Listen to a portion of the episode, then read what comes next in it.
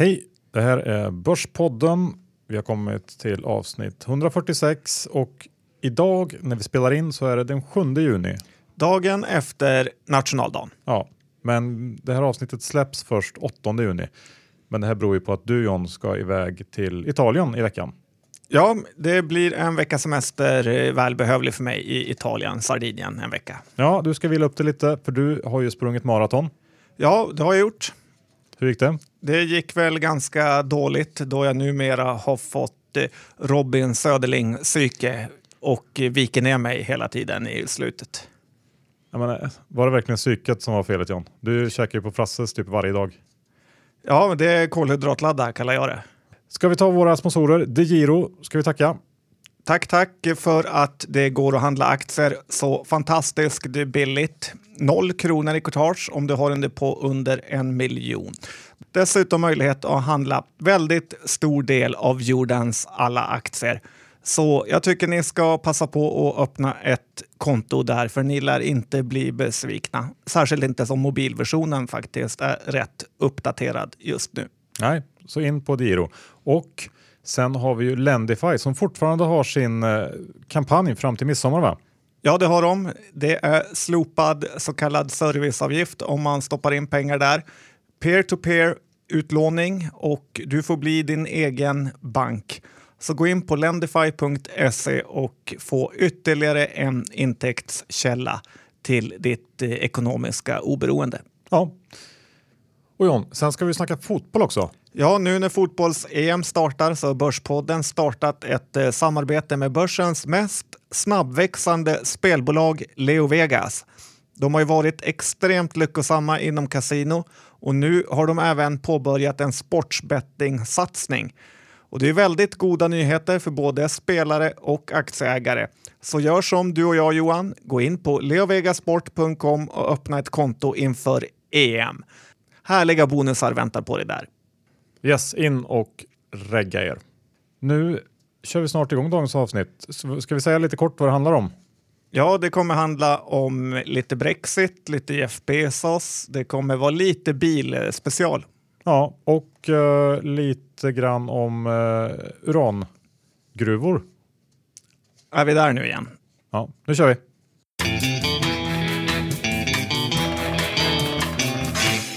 Johan Dr. Bass Isaksson, index i 1368 och eh, det svänger ganska friskt mellan 1340 1370. Strecket har lite svårt att bestämma sig vart den ska ta vägen, men det är uppenbart att det är strecket som bestämmer riktningen. I USA är S&P endast 1% under sitt eh, all time high och eh, det är inte mycket till Bass där, Dr. Bass. Nej, verkligen inte. Jag blir förvånad varje gång jag kollar på S&P att eh, de klarar att hålla uppe det så bra som de gör. Men eh, det som har hänt sen sist, det stora som har hänt, det är ju den här riktigt kassa jobbdatan från USA förra veckan. 38 000 nya jobb skapades i maj mot förväntat 160 000 och eh, vi fick också en rejäl nedrevidering för aprilsiffrorna. Och det här gav ju först en, eh, en stor negativ reaktion på världens börser. Men nu har vi hämtat hem i princip hela det här tappet. Och man kan ju tolka det här på lite olika sätt. Beror det här på att ekonomin helt enkelt börjar tappa fart och är på väg neråt? Eh, jag tycker att vi har en del tecken som, eh, som tyder på det. Till exempel retail som vi har pratat om, att det har varit svagt. Vi har bilförsäljningen som vi ska prata lite om senare som har varit eh, riktigt kass här under maj. Vi har också de icke justerade vinsterna som börjat divergera enormt mot de justerade vinsterna. Det har vi också pratat om och eh, vi har också vinstmarginalerna som har tränat ner från toppen under en period nu. Eh, men eh, vi har väl kanske inte riktigt fått det här eh, bekräftat i inköpschefsindexsiffrorna än. Men eh, jag tycker ändå att det känns som att vi är på väg att, eh, att ja, gå ner. Ja, det låter som att du målar ut ett eh, lite oroligt eh, scenario. Men man, man, kan ju vända på det också. Ett annat sätt att tolka eh, det här är ju att arbetsmarknaden har börjat tajta till sig och att de flesta som vill ha jobb har det. Men då kan man också tycka att lönerna borde börjat stiga mer än vad vi har sett och eh, dessutom så har vi ju fortfarande en väldigt eh, låg eh, deltagandegrad på den amerikanska arbetsmarknaden. Det är väldigt många som står utanför. Och, ehm, det är traders. ja, kanske. Och det talar ju emot det här. Eh, börsen i alla fall verkar ju efter lite eftertanke då, och det här initiala fallet tagit fasta på att det här skjuter um, fram eventuella räntehöjningar i USA. Och det verkar ju räcka just nu för att skaka av sig den här riktigt dåliga siffran. Personligen så tycker jag ändå att man inte ska vifta bort det här för lätt. Det var ett ganska stort trendskifte ändå. Vi har legat och taktat kring 200 000 nya jobb varje månad ett bra tag nu och att det bara skapas 38 000, det, då är det någonting som har hänt. Och vi såg faktiskt nästan exakt samma sak under 2006 i maj. Då hade jobbmarknaden inte fått gå bra under en lång tid för att under maj månad uppvisa ett liknande trendbrott och eh, ja, vi vet ju vad som hände sen. Så att um, jag tycker inte man ska ta för lätt för det här. Och i grund och botten så hade väl ändå en räntehöjning och vi, vi pratar inte några jättestora höjningar här. Eh, som, en, som en konsekvens av en stark ekonomi varit att föredra framför risken för att ekonomin verkligen är på väg ner eh, men att räntan ligger kvar. Så att, eh, jag tycker att det är lite kortsiktigt att bli glad för att man inte höjer räntan med 25 punkter. Eh, och rent börsmässigt för den svenska börsen så är ju en svagare dollar heller inte särskilt bra. Eh, om man tar en titt på hur stora rörelser i dollarn har, har påverkat den svenska börsen historiskt sett så, så förstår man betydelsen av den också. Så att, eh, vi, det ska bli intressant att se utvecklingen de närmsta veckorna. Här. Å andra sidan är ju svenska börsen rätt långt ifrån sin all time high. Så är det ju. Det är inte alls samma läge som i USA. Men vi har ju också Brexit på agendan som börjar närma sig. Ja, Brexit det... eller inte Brexit då? Remain heter Johan om man ska vara kvar i EU. Och det börjar ju hetta till nu. I grunden så kan jag ju knappt förstå hur det skulle vara så fruktansvärt katastrofalt om det blev en Brexit. För först kommer det ta två år innan UK har förhandlat sig ur alla avtal och sen kommer ju världen förmodligen vara likadan som vanligt igen.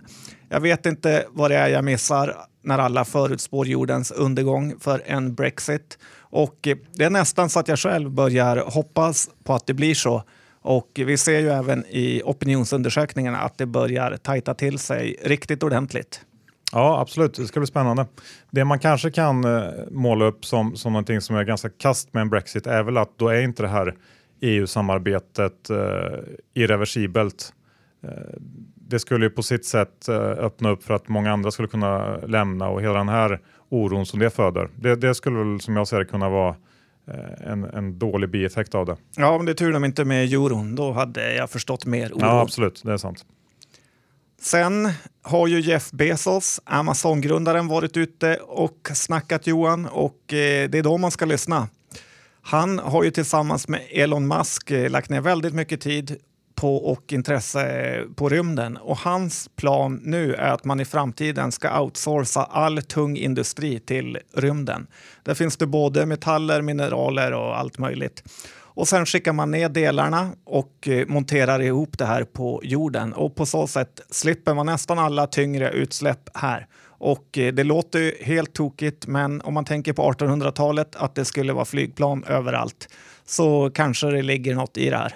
Mm, man får nog jobba ner fraktpriserna lite grann innan vi är där dock. Ja, det får man ringa Fedex och fråga vad de kan göra. Ja, och sen har det varit NBA-final i USA och du som är vår amerikanska sportutrikeskorrespondent, vad har du att säga om det? Ja, det går ju nästan oss helt förbi här i Sverige då vi inte verkar gilla basket eh, så mycket. Sen finns det ju egentligen ingen tv-kanal som sänder det här och dessutom går det ju mitt i natten. Så att eh, det är svårt att hänga med. Men det är final och eh, det är Golden State Warriors som är hemmahörande i Oakland, California och de möter då Cleveland Cavaliers.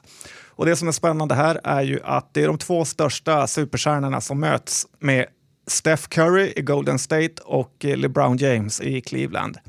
Men det som gör det kul på bolagsnivå är ju att Under Armour är storsponsor av Stephen Curry och eh, Nike eh, sponsrar LeBron. Och eh, de här superstjärnorna rör ju sig med kolossala summor. Så Nike har ju livstidskontrakt med LeBron James uppemot eh, någon miljard dollar. Och det är bara för att han ska ha deras dojer. Och Under Armour, som är lite uppstickaren, har ju tjänat väldigt, väldigt mycket på sin sponsring av Curry och eh, i senaste konf-callen som Under Armour hade så nämndes Stephen Currys namn 25 gånger. Och eh, så har också deras basketskoförsäljning ökat med tresiffriga tal sista tiden Johan, i procent. Men Curry skjuter väl mest trepoängare då? Ja, han är fantastisk på det. Ja. Spelar det så stor roll vilka skor man har då? Hoppa skjut Johan. Okay. Ja. Du, jag tänkte gå över till ett av mina favoritländer. Vilket tror du det är? Vitryssland? Nästan, Finland. Eh, Finland ska faktiskt göra en, eh, intern devalvering eh, efter någon slags överenskommelse med landets fackförbund nu. Och det här betyder då att man ska sänka lönerna helt enkelt. Vilket ju är väldigt bra för landets konkurrenskraft. Och det här är en ganska, ganska viktig händelse som kommer att göra en hel del nytta för Finland. Så att jag tror att det kan vara lite läge att titta på, på vår granne i öst. Eh, det finns nog eh, en hel del intressanta aktier att skopa upp där. Det har inte alls gått särskilt bra i Finland de sista åren. Och eh, det här är en viktig åtgärd för att återställa konkurrenskraften för Finland. Så jag, jag, tror att man kan hitta lite bra grejer i Finland nu framöver. Ja, kul att höra. Själv har jag Finland som land på en ständig säljrekommendation. Ja, men det här var ett viktigt event, så att håll koll på Finland. Och John, avslutningsvis i första delen så har ju vi varit och modererat Spiltans stämma här på nationaldagen. Det var en härlig upplevelse. Ja, det var väldigt kul och det avslutades med en cirkus. Man blir ju lite glad när man ser vad Per H Börjesson och Spiltan byggt upp. Det är en riktig liten folkfest ute på Djurgården och eh, det går ju faktiskt bara att råda folk att köpa lite aktier i Spiltan och sen haka på det här projektet. Dessutom får man ju väldigt mycket grejer för, i värtpengar i den ryggsäck som Per H själv delar ut. Det blir ju tummen upp. Vi rekommenderar ju att köpa Spiltan-aktien för ett år sedan i vår veckans aktie Johan. Och det har ju varit kanske en av de bästa rekommendationer vi någonsin gjort då aktien stod i lite drygt 2000 kronor och nu handlas den i 6 500. Så det var väldigt bra. Ja, verkligen. Och eh, är det någon man undrar den här framgången så känns det verkligen som att det är Per H och gänget bakom Spiltan. Så grattis!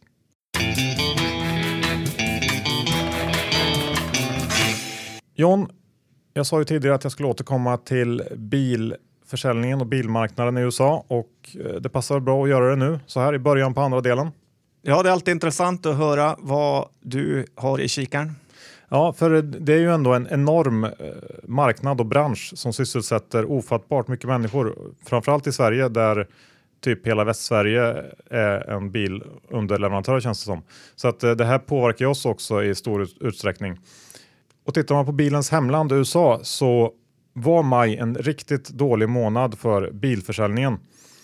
Eh, en månad utgör ingen trend, men försäljningen var ner 6% totalt sett. Och GM som är den största biltillverkaren i USA tappade faktiskt 18% i försäljning. Eh, där såg jag att de skyllde på Rental som eh, drar ner på inköpen, alltså biluthyrningsbolagen. Eh, Volkswagen tappar 17, Toyota 10, Ford 6 och 6 ehm, låter väl inte så här jättemycket och det, det är ju från toppnivåer men man ska komma ihåg att eh, inför resten av året så hade vi förra året väldigt starka siffror under augusti-november. Så att jämförelsetalen kommer att bli eh, jättesvåra och med det här stora oväntade tappet i maj så, så eh, båda det lite illa inför resten av året. Uh, och jag tror att det kan bli en ganska tuff höst för bilindustrin generellt globalt sett. Uh, och det är ju här den svenska börsen kommer in för vi har många svenska underleverantörer som är noterade. Vi har ju Autoliv som är given. Vi har SKF som har kanske 25% av sin omsättning inom Automotive. Eh, vi har Bulten, Gränges, Haldex, Bilia. Ja, Semcon som i och för sig inte jobbar så mycket, mest har lediga konsulttimmar. Ja, det blir ju ännu värre då om bilförsäljningen tappar. Ja, kom ihåg det. Men om jag får spåna lite fritt där så tror jag att um, vi har sett peak bilförsäljning nu. Uh, Finns den hemsidan? Nej, jag funderar på att regga den. Uh, jag tror till och med att det kan vara liksom peak bilförsäljning för evigt. Och det är av flera anledningar. Dels så har ju faktiskt folk lånat ganska friskt till bilar och nu är det framförallt USA jag snackar om. För det här var en sektor som klarade sig undan eh, subprime och finanskrisen ganska bra. Folk betalade av sina billån till skillnad från huslån och kreditförlusterna blev ganska små. Så det har varit fortsatt enkelt och eh, relativt billigt att ta ett billån och det här har drivit på efterfrågan riktigt bra. Men som sagt, där börjar vi se tecken på att det eh, börja bromsa in och en annan anledning till att jag tror att den här industrin kommer att vara mycket mindre efter nästa kris, det beror på den tekniska utveckling vi ser. Eh, och i, i, kombination kanske med, med urbaniseringen runt om i, i, världen. Att vi får allt från självkörande bilar till olika typer av lösningar där du lånar eller hyr en bil. Eh, det här tror jag kommer att vinna ännu mer mark efter nästa lågkonja. Och, eh, Som du redan nu ser framför dig? Ja, det är jag definitivt. Och att eh, det blir som ungefär som finansindustrin efter finanskrisen. Den blev aldrig riktigt eh, likadan igen efteråt och jag tror att det här är en bransch som kommer som kommer få uppleva ett liknande stålbad efter nästa kris. Så att jag sätter eh, någon slags long term sälj på hela bilindustrin. Ja, är det någonstans man kan tjäna pengar på blankningar så är det ju verkligen inom bilindustrin när det slår till. Autoliv handlades i 130 kronor som lägst under finanskrisen. GM gick i konkurs. Ford var bara några dollar per aktie och eh, Bilia var 20-lappen. Semcon var i princip utraderad. Eh, det finns, eh, här finns det enorm nedsida om det skulle gå neråt som du säger.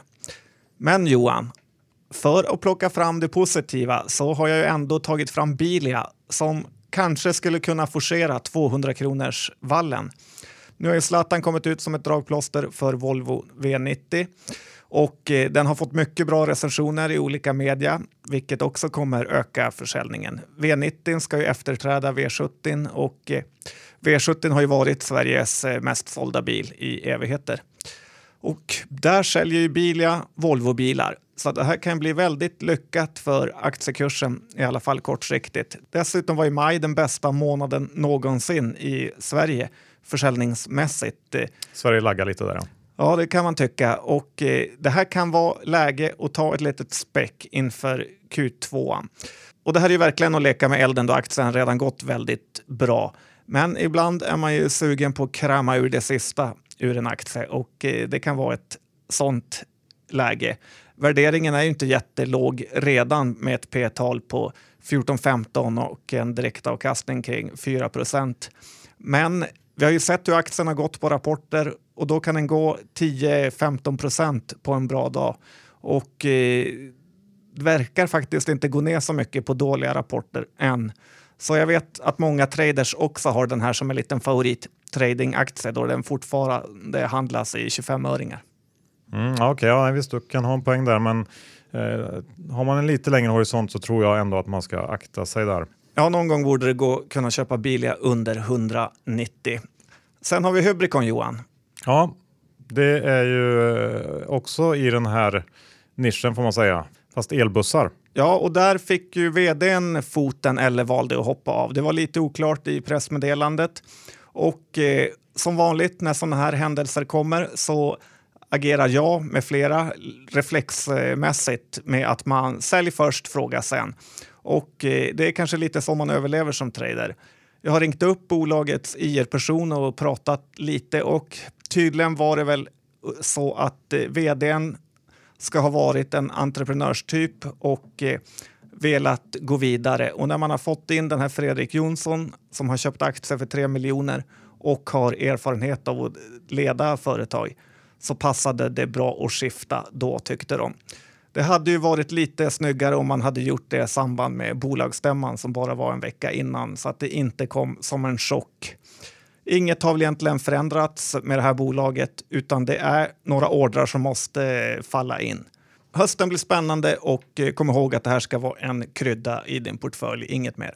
Nej, det är nog smart att hålla det till en krydda. Du, sen har vi ett annat bolag som har bytt vd i veckan, Fingerprint. Ja, man tycker nästan lite synd om Lanto som blir utbytt efter att ha gått eh, så här bra. Dock kan man ju generellt tycka att det borde sättas lite hårdare krav på vd här i Sverige. Till exempel Ericsson, att man kan flyga jorden runt i privatjet, tjäna extremt mycket pengar, ta på sig extra jobb och sen underprestera på börsen under en tioårsperiod. Lite hårdare styrning från ägarna hade jag velat se. Ja, jag kan inte annat än instämma där John.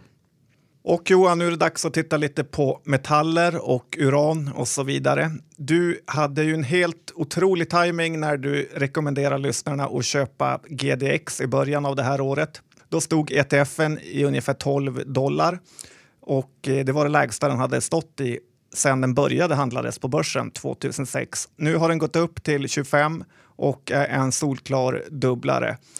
Förklara lite, vad är det vi har sett och eh, vad har hänt? Ja, det som har hänt där och, och GDX ska vi säga för de som inte känner till det, det är ju en ETF som eh, ja, ger dig exponering mot eh, guldgruvor helt enkelt. Och eh, det som har hänt är ju att guldet faktiskt har haft ett bra år så här långt, upp ungefär 17-18 procent i år tror jag. Och eh, det blir, brukar alltid bli så att de här rörelserna blir ju på något sätt förstärkta i eh, de underliggande gruvorna.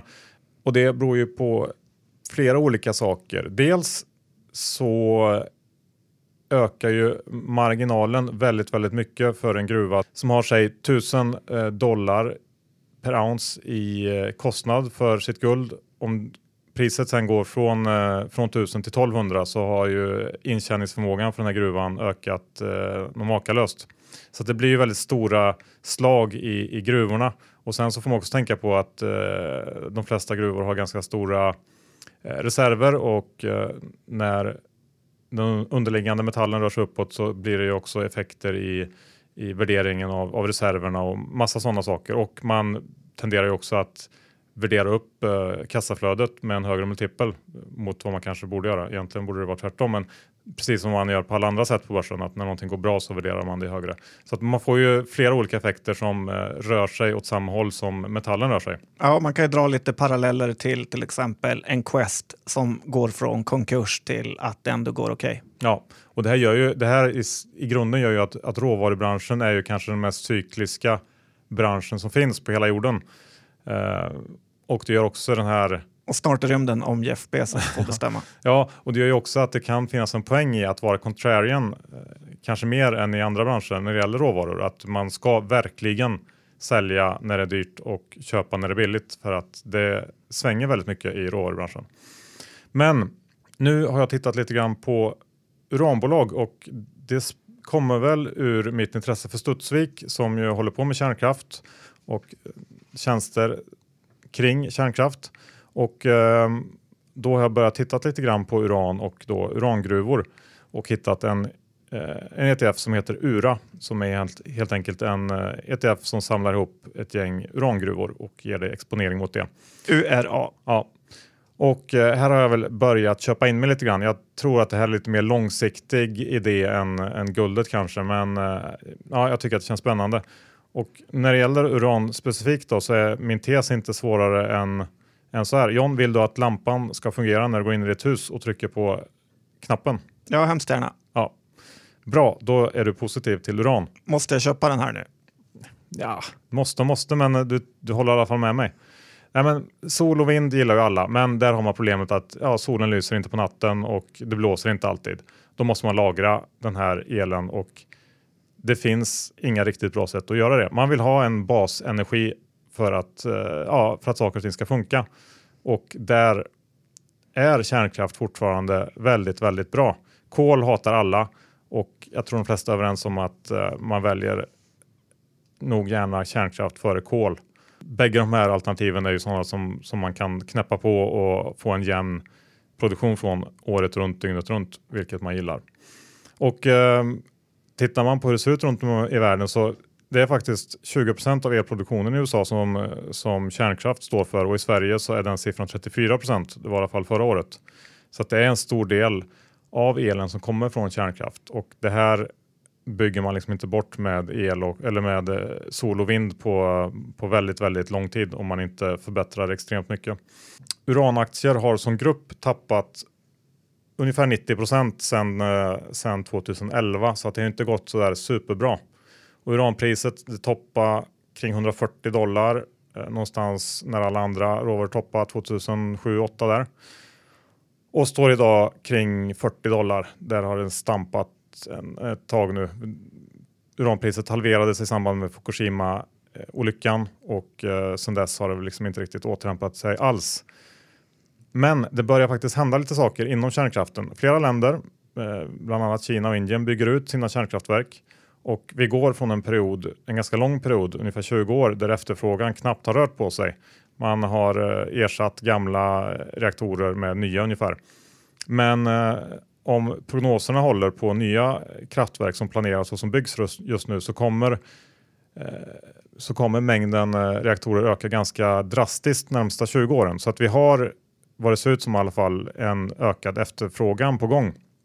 Och urangruvor är, är ganska komplicerade och svåra att bygga och det tar ganska lång tid från eh, investering till produktionsstart. Så att eh, det kommer att finnas ett lagg här när det väl drar igång. Och det tror jag kommer att påverka uranpriset ganska mycket. Så att jag tycker att det känns som en ganska intressant, eh, ja, en intressant grundtes och just det faktum att vi ligger på så låga nivåer också för de här tillgångarna gör att ja, mycket nedsida är tagen. Är det krydda eller cornerstone? Nej, det här är ju såklart, du hör ju själv uranbolag framförallt i, i Kanada och kanske lite i Australien. Det är ju inte något du, du liksom lägger som en stabil bas i portföljen. Men eh, för den som har uthållighet, för det här tror jag det, det, kan ta ett tag också för det här att spela in. Men jag tycker att det känns som att fundamenta pekar i rätt riktningar. Eh, så för den som är villig att vänta lite så tror jag att det här kan vara ett helt okej okay, ja, case. Och när det väl tar fart, om det gör det, så blir ju effekten på, på de här gruvbolagen brutal. Ja, alla kommer vi ihåg när det snackades hejvilt om uranjuniorer på Börssnack på den gamla goda tiden. Ja, det var på den gamla goda. Men så är det inte nu. Nu är det tvärtom. Det är nu man ska ha iMint, Johan. Tydligen. Det är den nya tidens uranjunior. Ja, för det här är ett bolag som inte behöver ta ordrar för att gå upp 8, 10, 20 procent om dagen. Aktien gick in på 8 kronor och eh, nu är den över 70. Så att eh, den här riskviljan du påpekar finns där ute. Här är ett av de största objekten för det. Det finns väl egentligen ingenting som har gjort eh, att aktien förtjänar den här uppgången förutom en massa spekulationer från bloggare, twittrare, börssnackare med mera. Bolagets värde är nu närmare 600 miljoner och man är nog inte riktigt pucketta om man köper på nivåer kring 70 kronor om man säger så. Sen finns ju alltid det här motargumentet som används på alla aktier nu att eh, om man köpte Fingerprint när den hade gått från 5 kronor till 70 så skrattade folk åt den. Men se vad som hände sen Johan. Tyvärr lever lite sådana här drömmar kvar för mycket där ute. Det är såklart roligt om Sverige lyckas få fram toppteknikbolag men det är faktiskt inte så lätt som vissa av personerna där ute verkar tro. Nej, så är det ju. Och eh, Recyctech är väl ett exempel på det till exempel. Ja, här har vi ett annat bolag som det faktiskt inte går att gilla. Jag får mer och mer en scamvarning från hela bolaget. I fredags eh, kom det en nyhet om hur man fördubblar sin eh, prognos om inlevererat glykol. Och det här är citatet, Johan. Inleveranser kan komma att öka till 3 miljoner liter per år. Och eh, för det första är det ju väldigt vagt löfte att det kan komma att öka. Dessutom undrar man ju ens hur det ska gå att tjäna några pengar på endast 3 miljoner liter.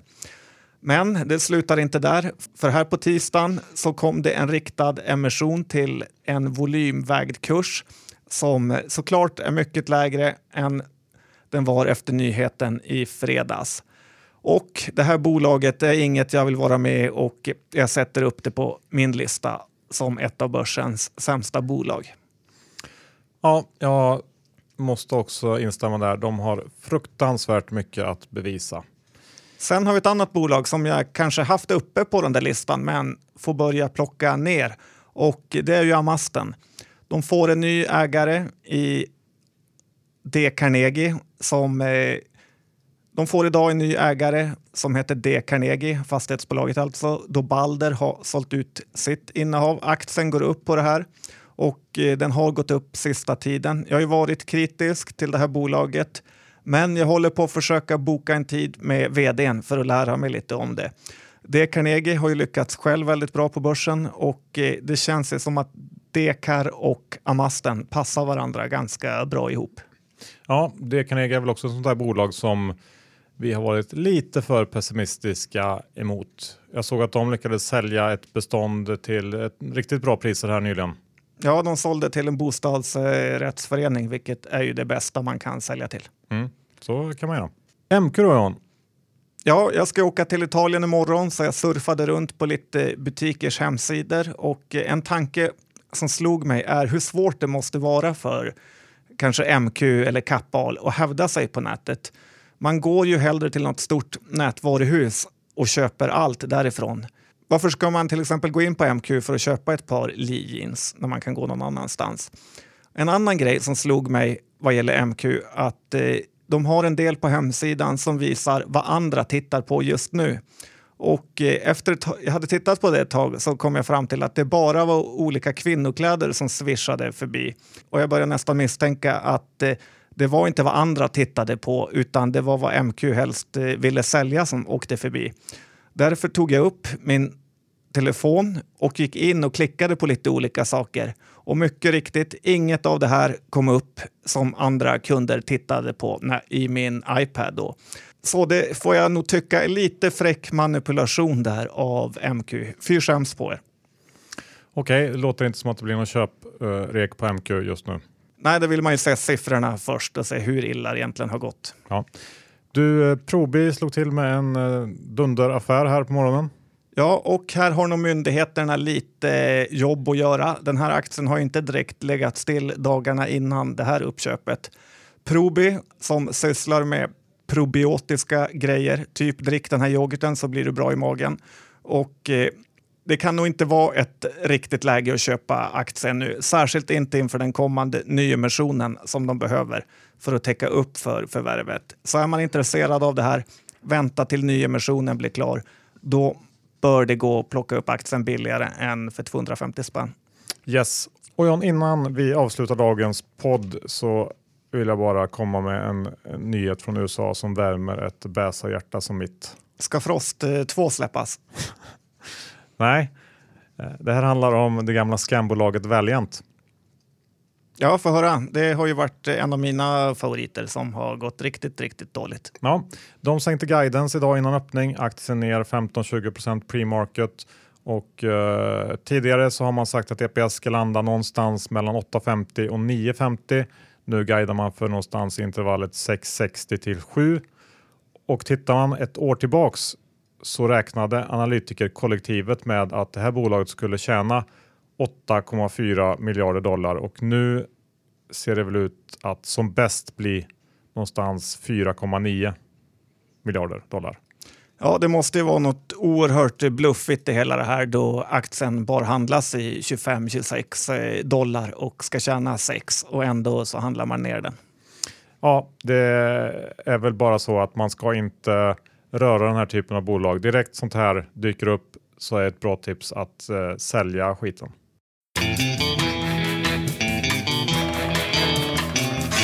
Tack för att ni lyssnade idag och tack till Giro för att ni sponsrar den här podden. Gå in på diro.se, öppna ett konto, och börja trada börsen gratis. Och ja. Lendify.se, skaffa ytterligare en intäktskälla med peer-to-peer lending, Johan. Och glöm inte att gå in på Leo Vegas och regga ett konto nu inför fotbolls-EM. Nej, det kommer bli riktigt kul och följ oss på Twitter när vi spelar in lite flis förhoppningsvis. Det rimmar ju till och med. Ja, och John, du ska till Italien nästa vecka. Ska det bli skönt? Det får vi se vad alla i familjen kan ställa till med. Ja. Glöm inte heller att gå in på Börsjobb och kika. Det är fullkomligt eh, drösar in intressanta jobb där och vill man in och ha ett jobb som relaterar till börs, ekonomi, finans och allt sånt, då är nog börsjobb den absolut bästa platsen på jorden, i alla fall Sverige, att leta på. Ja, men det vet de redan. Ja. Bra, och eh, vi ska väl avsluta med våra innehav i dagens eh, avsnitt. Har du något innehav John som vi pratade om? Jag har ett par röda Under Armour skor från Steph Curry som gör så ont i foten att ha så att jag inte kan använda dem. Mm, mer? Sen har jag ju Hybricon som ni vet och sen har jag faktiskt eh, inget mer. Nej, och jag har den här ETFen URA. Bra, då är det avklarat. Ha det så skönt så hörs vi om en vecka igen. Tack och hej! Thank you.